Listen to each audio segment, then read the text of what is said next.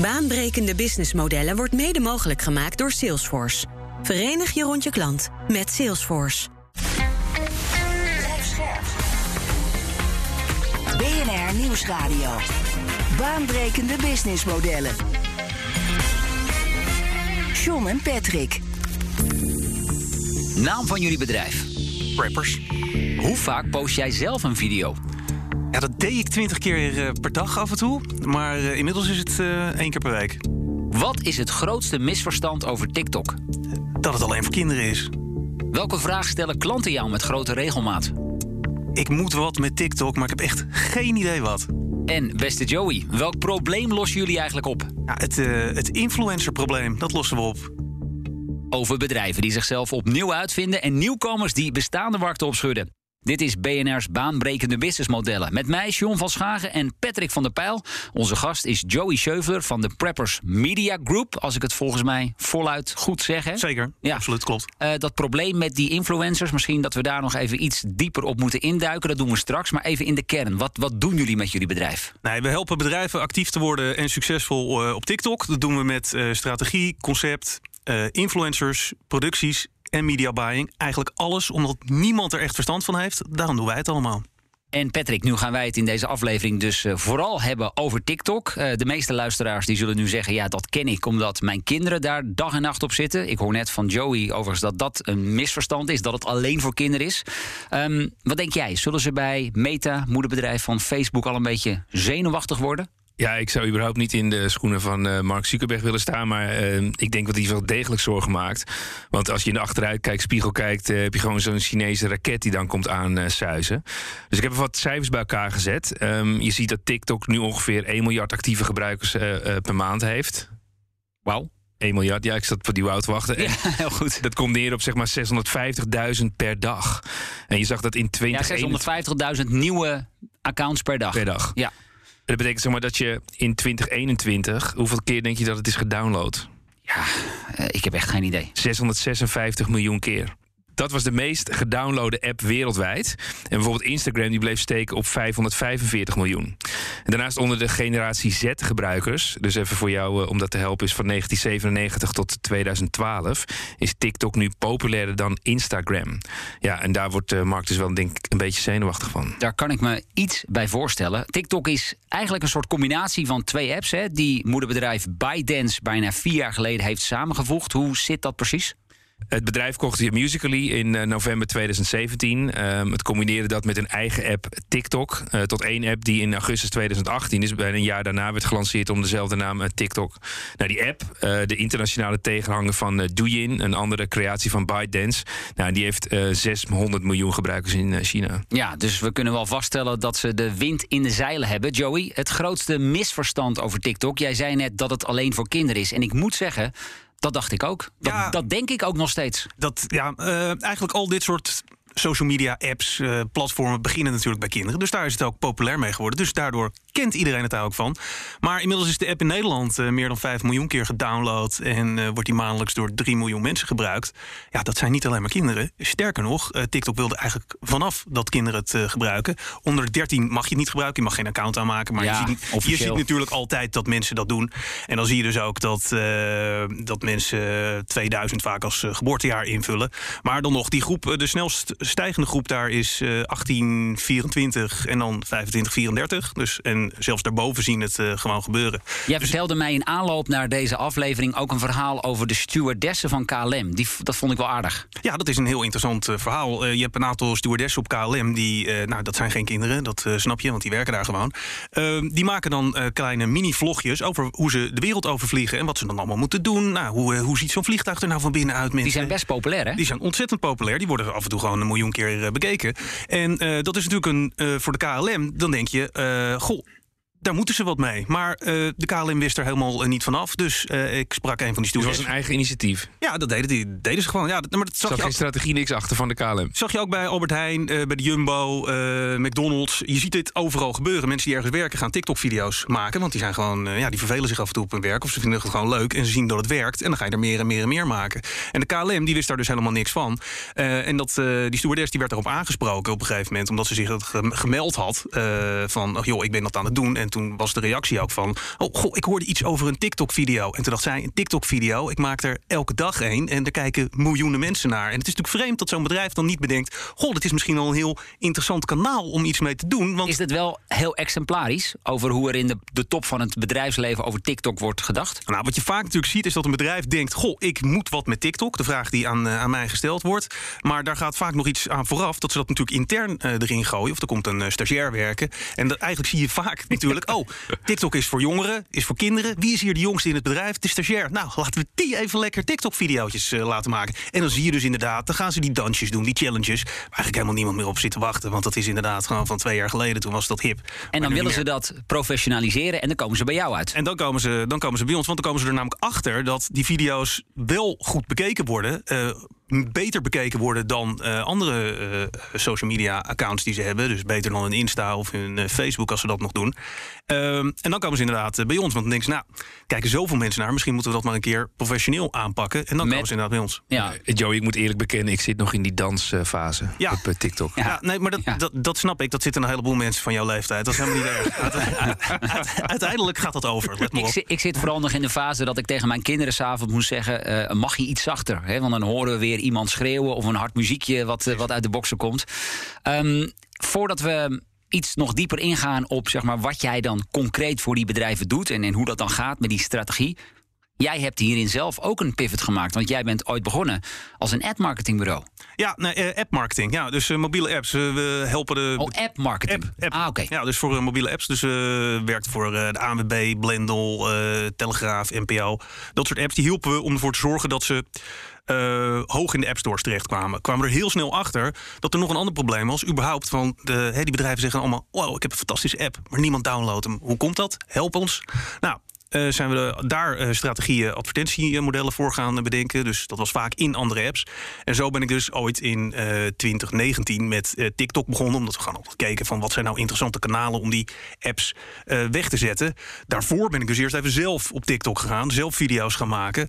En dat ging dus ook heel snel. Want ik merkte eigenlijk precies wat er, wat iedereen die met TikTok begint, dat je denkt van wat een bereik, hoe is dit mogelijk? En toen gebeurde het meest gekke wat er in mijn leven gebeurd is. Beetje overdreven, maar dat is natuurlijk leuk om te zeggen. eh, dat ik namelijk herkend werd in eh, de supermarkt. En eh, toen was het, god meneer, bent u van TikTok? Ik zei, ja, dat klopt. Ja, ik zie u altijd voorbij komen op mijn For You-page. Nou, en toen was het voor mij helemaal duidelijk. Dat was een soort Eureka-moment. Gewoon validatie was dat eh Ja. knijterhard. Ja. Ja, ja, want dat- dat is natuurlijk heel raar. Want ik maak gewoon video's, ik vertel feitjes en weetjes. Gewoon een beetje onzin dingen. En toen dacht ik, dat is toch apart dat dat gebeurt. Toen zijn we het gaan inzetten voor eh, bestaande klanten. En uiteindelijk doen we het eigenlijk eh, voor iedereen. En het ontwikkelt zich gewoon heel snel. Eh, het begon inderdaad met gewoon het traditionele influencer marketing. Gewoon een video maken dat iemand een product laat zien, daar iets over vertelt.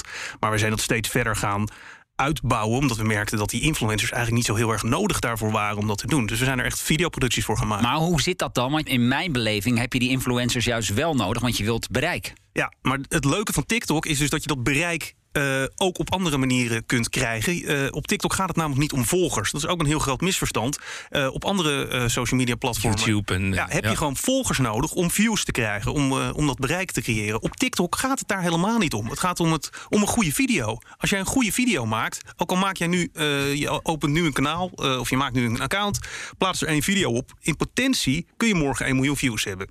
Kan eigenlijk nergens anders, maar op TikTok kan dat nog. Maar dan moet je even uitleggen. Eh, ik snap, want dan is het het algoritme dat bepaalt wie het te zien krijgt. Ja, als jij Maar dat is natuurlijk de grote black box. Eh, absoluut. Als jij het algoritme geeft wat het wil zien, heb je succes. Nou, dat klinkt heel simpel natuurlijk. Nou kunnen wij op zich ook nog wel wat bereik gebruiken voor deze afleveringen, deze podcastreeks. Ik weet niet, eh, stel dat wij hier een, een TikTok-video van zouden gaan maken. Wat, wat zou je ons adviseren? Met Joey. Ja, nou dat sowieso natuurlijk. want- Uiteraard. Jongens, dan wordt het, eh, gaat het sowieso door het dak. Nee, dat, eh, eigenlijk wat je moet doen is, eh, en dat zie je ook de fout die veel bedrijven maken. Die denken, ik moet die trends doen, ik moet die dansjes doen. Maar dat moet je juist niet doen. Blijf bij jezelf, maak het authentiek en zorg ervoor dat je gewoon waarde toevoegt. Dus eh, informatie en advies geven. Waar, eh, waar gaat de podcast over? Haal er stukjes uit en laat dat zien. Om maar even iets, simpels te zeggen. En dat is eigenlijk de manier waarop je dat doet.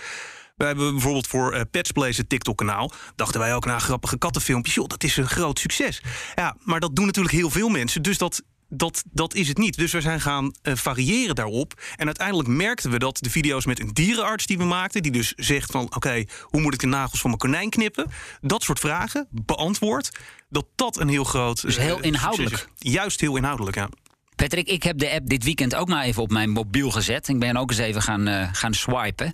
En wat mij dan opvalt is dat je dan als gebruiker toch wel heel snel gevangen raakt in een soort loop. Hè? Het is swipen en kijken. Je, en je vergeet de tijd ook een beetje. Ja, dat heb je inderdaad ook met andere apps, maar eh, inderdaad ook met eh, TikTok. Wat het wel heel interessant maakt, is dat het eigenlijk een soort. Ik noem het een exponentieel businessmodel. Dus het heeft eigenlijk eh, features van exponentiële groei. En ehm, we hebben die BIS-modellen al eerder bestudeerd. En daar zag je eigenlijk dat ehm, daar echt AI onder de motorkap moet zitten. Ehm, en dat het natuurlijk digitaal moet zijn. Maar het mooiste eh, wat is zeg maar, op, basis van een aantal voorkeuren die je aangeeft. Uh, dan gaat die algoritme zijn werk doen. En die is eigenlijk echt gericht op een soort ja, hypergroei of, of um, verslaafdheid aan die app. Dus je krijgt echt in no time uh, zaken die voor jou relevant zijn. Waardoor het dus uh, heel erg makkelijk werkt. Het andere wat ze hebben gedaan is die playbutton weg te halen. Want je weet toch dat je iedere keer op play drukt. Dus het is nog veel simpeler gemaakt om heel veel grote gedelen van content te kunnen consumeren. Dus ja, dat betekent ook dat als je één keer begint, dat je er niet meer vanaf kunt blijven. En dat je dus als gebruiker veel langer doorgaat. En dat komt ook weer bij Mark terug. Waarom is hij zo zenuwachtig? Ja, je besteedt dus echt heel veel tijd gemiddeld op zo'n uh, kanaal. En dat valt mij dan ook op als je dat vergelijkt met YouTube. Daar hebben ze tegenwoordig al nou, minimaal één en vaak ook twee pre-rolls. Gemiddeld wacht je inmiddels zo een seconde of 15 à 20. Dat Ja. is met TikTok is dat niet zo. Want dat Nee, gaat, gaat maar maar door. Dat Ja. gaat maar door. Ja. En volgens mij delen van content, eh, Joey, is ook super eenvoudig. Hè?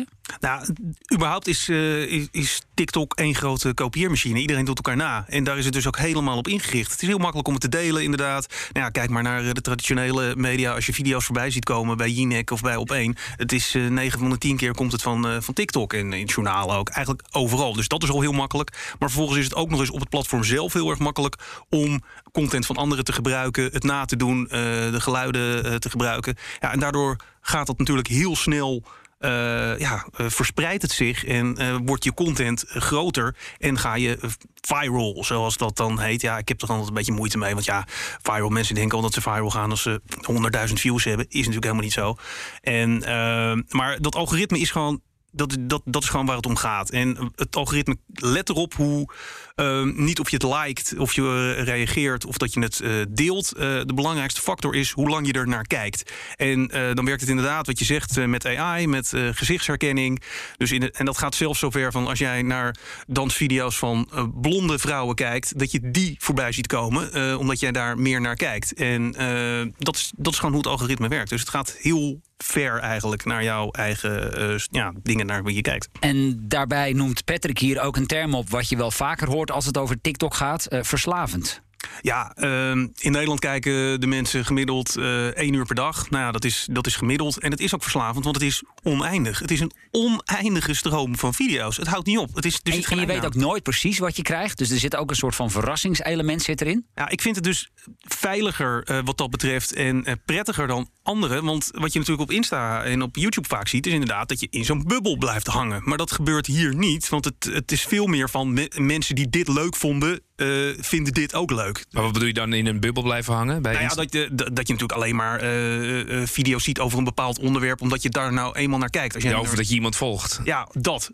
Maar ook veel meer van, oké, ik kijk alleen maar voetbalvideo's. Ja, dan krijg je ook alleen maar voetbalvideo's te zien. Een beetje dat. Dat is op TikTok eigenlijk veel minder. Omdat het niet alleen maar kijkt naar de video's die jij kijkt... maar naar eigenlijk alles wat daar omheen hangt. En niet alleen van jou, maar ook van mensen die op jou lijken.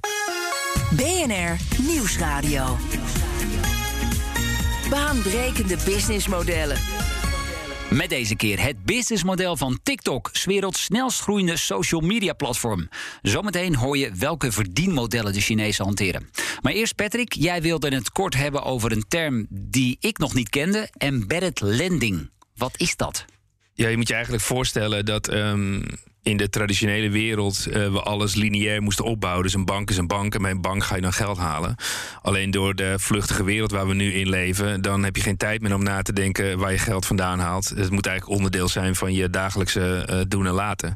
Dus um, stel, uh, je bedient jouw klanten met een app of een online platform, um, bijvoorbeeld een boekhoudprogramma.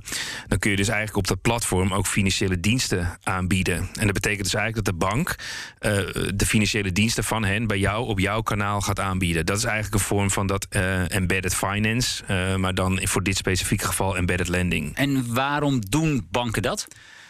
Eigenlijk een hele logische ontwikkeling. Want um, uh, ook al ga je eigenlijk elke dag misschien naar je betaalapp of iets, uh, dan is het alsnog moeilijk om uh, die app of de, de, website van de bank vol te behangen met producten. Het is eigenlijk op het moment wanneer het relevant wordt. En als dat dan bij jou um, op het kanaal kan, dat is iets wat die banken maar altijd graag willen verkennen. Ik geloof ook dat de markt voor embedded lending de komende jaren ook flink gaat groeien. Ja, maar ik denk ook niet alleen voor embedded lending, maar echt voor dat uh, embedded uh, finance. finance. Ja, je ziet ook bijvoorbeeld als je dan langs een autodealer loopt, um, dan moet je gelijk op je schermpje kunnen zien: het kost 500 euro om deze te leasen. En als je hier op de knop drukt, kan je meenemen. Dat is eigenlijk veel meer. Ja, we hebben het steeds wel over China, maar het is ook op die manier hoe die apps werken. Gewoon veel meer onderdeel van je, van je leven. Duidelijk. Dankjewel, Patrick. Wij praten verder met Joey Scheufler van Preppers Media Group. Het bedrijf is helemaal ingericht op TikTok. Um, ja, wat denk je? Zou TikTok ook zo'n platform kunnen zijn waar wellicht ook in de toekomst allerlei andere diensten op aangeboden kunnen worden?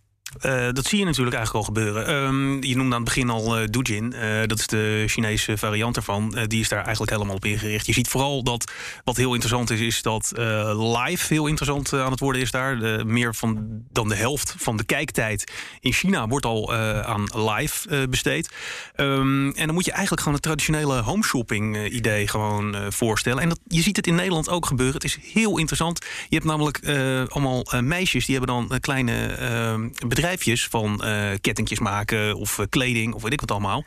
En uh, dat uh, doen ze dan elke avond of elke middag gaan ze live. En wat doen ze? Uh, mensen kunnen live bestellen. En vervolgens gaat dat meisje het inpakken live uh, in die stream. En dan, wordt het, dan wordt het opgestuurd. En het principe dus dat het live wordt ingepakt door degene die het ook daadwerkelijk maakt. Ja, dat vinden mensen te gek. En daar kijken gewoon honderden mensen naar hè, per dag. Moet je nadenken over hoe dat dan dus vroeger in de winkel ging. In een lineaire manier. Op een lineaire manier. Dan ga je naar de winkel toe. je schouwt dat aan. Zij pakt het voor je in. En nu is het gewoon één op één online te zien. Ja, maar ik vind het dus fascinerend dat er dus nog niet een groot bedrijf is die dit doet. Ja, het is heel moeilijk in te richten, maar uh, uh, de Bijenkorf of, of Bol of weet ik veel wie, het maakt niet uit. Waarom doen ze dat niet? Ik snap niet waarom iemand dat niet gewoon een keer gaat proberen. Gewoon dat ouderwetse home shopping, alleen dan ja, gewoon op TikTok. Ook zoiets van, Joey, dit is fantastisch wat je ermee kan doen. Laat ja. nog één keer zien. Ja, Amazing discoveries. Ja. Goed, um, laten we eens even inzoomen op de verdienmodellen die het bedrijf hanteert. Want ik denk dat heel veel mensen niet echt begrijpen hoe TikTok geld verdient en hoe mensen op TikTok geld kunnen verdienen. Um, daarvoor moeten we denk ik even beginnen met een nieuwe dienst, althans nieuw, uh, geloof ik in 2020 gelanceerd, TikTok for Business. Wat is het en hoe werkt het? Ja, TikTok voor Business is eigenlijk gewoon het, eh, het, eh, het, advertentieplatform waar je gewoon als bedrijf je kunt opgeven. En dan kan je advertenties inkopen. Je kunt op verschillende manieren advertenties inkopen. Een soort Google Ads. Het is eigenlijk een beetje hetzelfde. Uh, je komt in een stream voorbij. Uh, dus dat is gewoon een in-feed video. Uh, is gewoon een, een video-advertentie. That's it. Dan heb je nog wat additionele producten die erbij zitten. Zoals? Een, een topview, dat je bij de eerste vier video's oh ja. zit. Of uh, weet ik veel. Zo, dat, allemaal, allemaal dat soort dingetjes. Dat je gewoon premium uh, producten uh, daarin kan doen. Hashtag challenges, officiële ja. bannerruimte op de, op de Discover page. Maar er is meer, hè? Er, is, er is meer. Je hebt uh, natuurlijk ook uh, de Shopify-integratie, waardoor je dus op die manier uh, daadwerkelijk je producten voorbij kan laten komen op tegeltjes onderin, dat je gelijk kan bestellen. Je hebt een lead generation flow zit erin. instant form heet dat. dat je dus gelijk je leads kan vangen met de gegevens die al zijn achtergelaten in de, in de app. overigens wel gewoon AVG-proef, dus dat is altijd wel prettig. Um, en dat, dat is het eigenlijk wel gewoon hoor. De, de, bij TikTok voor Business zijn dat wel de, de dingen die er, die er zijn. Er zijn allemaal hele ingewikkelde benamingen voor, maar in de kern is dit het. Je kunt ook geld verdienen aan de zogeheten live gifts. Wat zijn dat? Ja, dit, dit is een beetje een. Dit, dit is, dit is, dan zie je dus dat het Chinees is. Uh, want dan kan je uh, panda's en diamantjes en kroontjes en weet ik wat allemaal geven aan, uh, aan de creators die dan, die dan live gaan. daar zit TikTok natuurlijk voor een heel groot percentage tussen. Dus daar hou je als creator die dat doet niet zo heel veel aan over. Want even, panda. Ja, even uitleggen. ja. je, je, organiseert een livestream. Mm -hmm. En vervolgens ga je zeggen: Goh, vind je dit cool? En dan kun je je belonen met een soort digitale token. Uh, in de vorm van een hartje, geloof ik, of een roosje of een, nou, iets, iets dergelijks. Je hebt, je hebt, je hebt van, van, alles gewoon allemaal die, van, die, van, die, van die figuurtjes ja. die kan je dan geven. En, dat, en, uh, en in China gebeurt dat, want ik zie het wij. hier in Nederland ook hoor. Veel. Ja, oké, okay, maar wij Nederlanders, ja, daar zijn ook daadwerkelijk, daar wordt geld aan verdiend. Er zijn er die, die daar geld aan verdienen. En dan zie je het in Nederland vooral bij de, bij de battles. Dat heb je, uh, heb je sinds een, een, aantal maanden heb je dat. Uh, dus dan gaan er twee tegen elkaar uh, battelen, zeg maar. En dan kun je dus jouw fans geven dan jouw cadeautjes. En dan wie de meeste cadeautjes heeft, die staat dan het hoogste ranked. In, in dat was wel interessant wat je zegt. Want die in, er waren eerder um, incentive modellen die zagen op zeg maar niet gartaal geld of digitaal geld. En dat, dat is ook niet zo heel erg hard gegaan. Um, dus je ziet uiteindelijk dat dat soort uh, modellen in tokens of whatever. Uh... Ja, het, grootste, het, grootste, probleem hier is, wat uh, de kritiek erop is, is dat het vaak wel jonge fans zijn die dus hun echte zakgeld gaan uitgeven aan dit soort creators. En dat die creators waar ze fan van zijn, dus ook oproepen om dat geld uit te geven. Dat is natuurlijk niet helemaal oké. Okay. Ja. Nee, het zit er bijna op, althans deze aflevering voor de radio. En daarom ga ik je nu alvast toch even deze vraag stellen. Wat kunnen andere bedrijven in Nederland, waar dan ook, leren van het businessmodel van TikTok? Ja, maar het businessmodel van TikTok is natuurlijk van TikTok zelf is natuurlijk een heel vreemd businessmodel. Want ik heb het idee dat zij gewoon marktaandeel willen, uh, zoals dat wel vaker is natuurlijk. Je wil gewoon uh, zo, hè, ze adverteren bij het Songfestival, uh, bij Euro, wat heet het, het EK voetbal, ehm, dat soort dingen. Dus zij willen gewoon heel erg groot marktaandeel. Want uiteindelijk voor de, de mensen die de video's zelf maken op het platform, valt er niet zo heel veel te verdienen door TikTok zelf. Nee. Anders dan op YouTube, waar je natuurlijk de banners en de pre-rolls hebt. Laat ik de vraag dan anders stellen. Hoe verklaar jij het enorme succes van TikTok? Ja, het enorme succes, dat zit alleen maar in het algoritme en in het enorme gemak. Uh, je downloadt de app, je opent hem, iedereen snapt het. That's it. Uh, Snapchat, ik heb het nooit gesnapt. Nou, een beetje gek natuurlijk, Snap en Snap. Maar goed. Ik vond Insta ook nog best wel lastig. Dat, daarom. En ja. je moet daarover nadenken. Bij TikTok, je hoeft niet na te denken. Je downloadt hem, hij begint gelijk en je swipet omhoog. En het is een eindeloze stroom. En het, je vindt het ook nog leuk, want het laat zien wat jij leuk vindt. Maak het zo simpel mogelijk dus. Dat is wat we hier met name van leren. Maar ik denk als je het hebt over de toepassing van het BIS-model... daar zit met name het interessante stuk in voor bedrijven. Dus als je dan een retailer bent en uh, je wilt nog een keer op een andere manier uitleggen... Uh, dat een nieuwe generatie bij jouw producten koopt... dan is zo'n kanaal buiten gewoon interessant om het uh, op die manier te vertellen. Nee, 100% Want wat je echt natuurlijk ziet is dat het dat op dit moment... als jij je reclame-euro wil uitgeven... moet je het eigenlijk gewoon in een, in een goede TikTok-video stoppen. En dat is alleen maar omdat je nog heel makkelijk organisch bereik kan halen. Wat ik net zei, van dat je uh, met je eerste video nul volgers 1 miljoen uh, views kan halen. Dat kan je nergens anders. Krijg je ook nergens anders. En dat kan gratis, hè, als je maar een goede video maakt. We hadden het uh, voor de break even over de influencers. Waarvan ik me afvroeg van, goh, die heb je nodig voor bereik. Nou, dat, die mythe is inmiddels uit de wereld. Uh, jij bent best wel kritisch op hun, uh, op hun handelen. En de manier zoals zij zich aan merken willen verbinden. Waar, waar zit hem dat? Nou kijk, het probleem is natuurlijk, is het authentiek? Uh, past zo'n persoon bij zo'n merk? Of wil die gewoon alleen maar geld verdienen? En je ziet natuurlijk vaak. Ja, dat is altijd het laatste, toch? Nou ja, nee, je hebt natuurlijk ook mensen die dat gewoon uh, leuk vinden, echt ergens achter staan en uh, zich daar echt mee uh, verbonden voelen. Dat heb je natuurlijk. Natuurlijk wil je geld verdienen, maar het moet niet zo zijn dat je in de ene video dit product promoot en in je volgende dat en dan weer dat en dan weer dat. En dat je alleen maar reclamevideo's maakt. En dan ver, vervalt ook gewoon die impact die het dan heeft. Dus dat, en daar komt nog iets anders bij, is dat er zo ontzettend veel influencers zijn dat eigenlijk iedereen influencer ja, Wanneer ben je eigenlijk influencer? Ja, dat is, uh, de, je ziet nu juist de trend dat juist die hele kleintjes veel meer impact maken. En zeker op TikTok natuurlijk, omdat het niet uitmaakt hoeveel volgers je hebt. Dan kun je nog steeds heel veel uh, bereik behalen. En als je 1 miljoen volgers hebt of 2 miljoen, betekent het niet dat jouw video zoveel bekeken wordt. Want dan kan het net zo goed zijn dat die maar 5 of 10.000 keer bekeken wordt. Nou, lekker. Heb je als bedrijf daar lekker een uh, paar duizend euro aan uitgegeven. En dan wordt je video helemaal niet bekeken. Zie jij dan ook nu een ontwikkeling gaande dat merken daar een beetje van afstappen? Althans, wel op TikTok? Uh, niet alleen op TikTok. Eigenlijk zie je het overal. Je ziet het vooral op TikTok, omdat het daar uh, makkelijker is. Uh, je, bedrijven komen erachter dat ze influencers niet nodig hebben. Dat ze gewoon een goede video nodig hebben. Dat dat het belangrijkste is. En daarbij komt nog eens een keer natuurlijk dat je in, met de hele cancel culture gewoon heel erg moet oppassen met wie je samenwerkt en wat hij dan precies gaat doen. Je zag het met, met Famke Louise, die samenwerkte met, met de overheid. Ja, dat ging niet goed. Want die zei opeens: ik doe niet meer mee. En dat, dat wil je natuurlijk niet hebben. En wij zijn daarna de campagnes eh, voor corona over gaan nemen op de TikTok met de overheid. Nou, dat was best ingewikkeld, eh, kan ik je vertellen, om daar goede mensen voor te vinden. Die ook daadwerkelijk achter het beleid van de overheid stonden. En dat ook wilden uitdragen op, op TikTok. En is het niet zo ook dat je mm, die kracht van herhaling moet gebruiken? Dus dat als Famke Louise een paar keer een post doet, dat ook te weinig is om echt impact te maken? Dat, dat is natuurlijk altijd zo. Uh, dat, uh, het, gaat, het is altijd de kracht van herhaling. Maar je, ik, ik vind vooral dat je kritisch moet zijn op van wie is het en waarom doet hij dat. En dat zie, je ziet gewoon de hele maatschappij, dat dat hele gepolijste, dat, dat neppen. Mensen willen het niet. Mensen willen echte mensen of echte video's. En gewoon dat het overduidelijk is, misschien dat het reclame is, fijn. Of een echt persoon. En volgens mij zijn dat de keuzes die je, die je hebt als, als bedrijf. En je kunt wel natuurlijk gaan werken met een, met een met een influencer.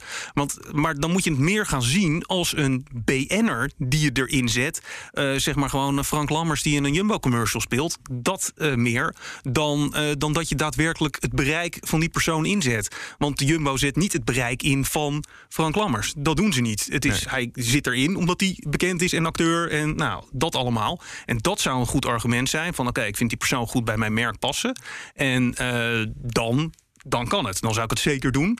Maar ook dan moet je gewoon als bedrijf, kijk nou uit wat je ervoor betaalt. Want het is echt onzin om voor dat bereik te betalen. Wat ze vaak wel claimen dat ze willen hebben. Wil ik toch even weten, zo'n gemiddelde influencer voor een, het aanprijzen van een eh, shampoo-merk bijvoorbeeld. Ja, over wat voor soort bedragen hebben we het tegenwoordig? Ja, dat is dus ik vind dat dat bedrag gewoon uh, redelijk laag moet zijn. En laag, ja, weet ik veel, uh, 750 euro, 1000 euro. Maar wat je natuurlijk ook ziet, is dat je allemaal van die agencies hebt... die dan allemaal influencers hebben. Ja, en dat model van die agencies is natuurlijk om daar zoveel mogelijk geld voor te vragen. Dus daar moet dan een nulletje bij? Uh, dat zou kunnen. Ja, nou, soms. ja uh, op TikTok valt het mee, maar het, het gebeurt wel. Ja, je gaat zo uh, 5, 6.000 euro. Dat kan, maar dat moet je dus niet doen als bedrijf. Want ik vind dat echt onzin, omdat het niet nodig is om dat te doen. En wat is daarnaast dan nog jouw belangrijkste advies aan bedrijven die op TikTok actief willen worden? He, buiten het feit, er werkt, nou, werkt niet of werkt minder veel uh, samen met, uh, met influencers. Mm -hmm. Waar moet content aan voldoen? Wat, wat, wat zie jij daar? Nou, je moet uh, een, een goede video maken die, die het algoritme geeft wat het wil zien. Het vervelende daarvan is, is dat dat continu verandert. Dus dat weet je niet. Dat kan je van tevoren kun je dat niet zeggen. Maar het belangrijkste is, neem het gewoon serieus. Kijk gewoon wat er, uh, wat er gebeurt. En laat het niet aan je stagiair over, maar neem het, neem het gewoon serieus. Bijvoorbeeld, hè, um, neem dan uh, Spar. Uh, -hmm. Het viel me op dat zij met TikTok aan de slag gingen. Hoe gaat zo'n bedrijf dan starten? Want dat is een concreet voorbeeld. Die hebben hun producten aan te prijzen. Hoe, hoe, hoe werkt dat? Ja, nee, dat, dat hebben wij gedaan. We zijn ermee begonnen met de Tosti Club eigenlijk binnen, binnen Spar. want die Spar wil natuurlijk de convenience store worden. Dus daar Koning van het gemak, ja. Precies, daar zie je steeds meer dat soort uh, dingen in terugkomen. En uh, dus we zijn begonnen met, met Spar, zijn begonnen met echt influencers daar ook opzetten. En we merkten along the way dat het echt inzetten van die influencers niet zo heel belangrijk erin was. Dat het eigenlijk veel meer ging om wat je nou overbrengt met die video. En dat, het, dat er sterker nog, de video's zonder die influencers, die werden beter bekeken. En waar gingen die over? Ehm, over dat je dingen uh, koopt in die winkel, wat je kan kopen. Gewoon het product. Het ging gewoon echt. Het ging gewoon over die tosti, zag ja. ik ook voorbij komen. En dan gingen twee meiden naar die uh, tosti club en die gingen. ja, ja, En, en, als er, als er, als er bepaald brood in, in de aanbieding is, of I don't know, dat soort dingen, of de, de, de yoghurtjes, gewoon echt over de, over de producten. En want het grote probleem is namelijk op het moment dat jij influencers inzet die bekend zijn, hebben mensen daar een mening over. En dan lopen die comments helemaal vol met nee, moet hij weer geld verdienen met dit of dat. Ja, Weet je, het is Ja. niet nodig. Het, is, het doet afbreuk aan je merk. En wat zou jij dan bijvoorbeeld de top van KLM willen adviseren? Die zien dat een aantal van hun stewardessen in de loop van de tijd veel bereik hebben eh, met die video's. Vooral blijven doorgaan. Of, of dat binnen zeg maar, het eh, ja, eerst even richting communicatie, dat die er ook nog even een plasje over mag doen. Hoe, hoe Nee. moet zo'n bedrijf dat aanpakken? KLM moet natuurlijk gewoon een goede contentplanning maken. En zelf zeggen: Oké, ik vind die bestemmingen belangrijk. Daar ga ik nu op inzetten. En ik ga zelf ervoor zorgen dat er een stewardess of, een- of een crew desnoods meegaat. Ja, niet een flight crew, maar gewoon een, een productiecrew. Die, die, die dat gaat filmen. En ervoor zorgt dat die content, gewoon dat je hem zelf beheerst. En dat je hem ook op je eigen kanaal plaatst. Niet op het kanaal van die, eh, van die, van die influencer. Op je eigen kanaal. En dan op die manier ervoor zorgt dat je gewoon bereik krijgt. En dat je het zelf beheerst. Leer natuurlijk wel van wat je gezien hebt van die, eh, van die stewardessen die dat, die dat doen. Want die hebben dat bereik nou eenmaal eh, behaald daarmee. Dus die doen iets goed. Alleen als bedrijf wil je dat natuurlijk ownen. Wil je ervoor zorgen dat dat bij jou zit. We stellen in deze aflevering ook vast dat de algoritmes van eh ByteDance eh, ja, waanzinnig zijn. Het blijft nog een black box. Aan de andere kant is er ook kritiek. Namelijk TikTok zou weinig dikke mensen laten zien. Geen honden, want onrein in China. Ehm, hoe kijk jij naar die discussie? Eigenlijk wat je daar natuurlijk ziet is dat. eh, ik denk dus dat er weinig mensen kijken naar dan dikke mensen en honden. Dat het algoritme, dat ze daar niet eh, in zitten te, te, te tweaken op die manier. Ik denk dat het algoritme gewoon eerlijk is. En eh, dat je dus gewoon, want waarom zouden ze dat doen? Ze willen dat mensen namelijk zoveel mogelijk op die app zitten en er zoveel mogelijk naar kijken.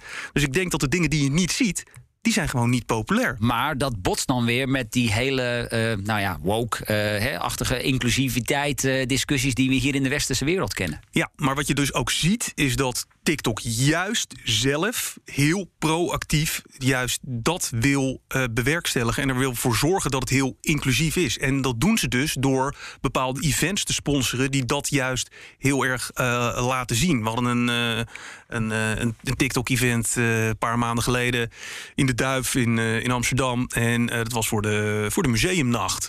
Eh, niet echt een onderwerp waarvan je denkt, nou, dat is heel erg eh, TikTok. Maar daar stond inderdaad een. eh, een, en daar, kwam de hele, hele wereld qua inclusiviteit voorbij op, een, op, het, op het podium tijdens het diner. Dus dan doen ze dat op, op zo'n manier, laten ze dat heel erg zien. En ze laten dat ook zien door gewoon op hun Discover page heel erg aandacht te geven aan dat soort inclusieve onderwerpen. Waardoor ze wel laten zien, we zijn er voor iedereen.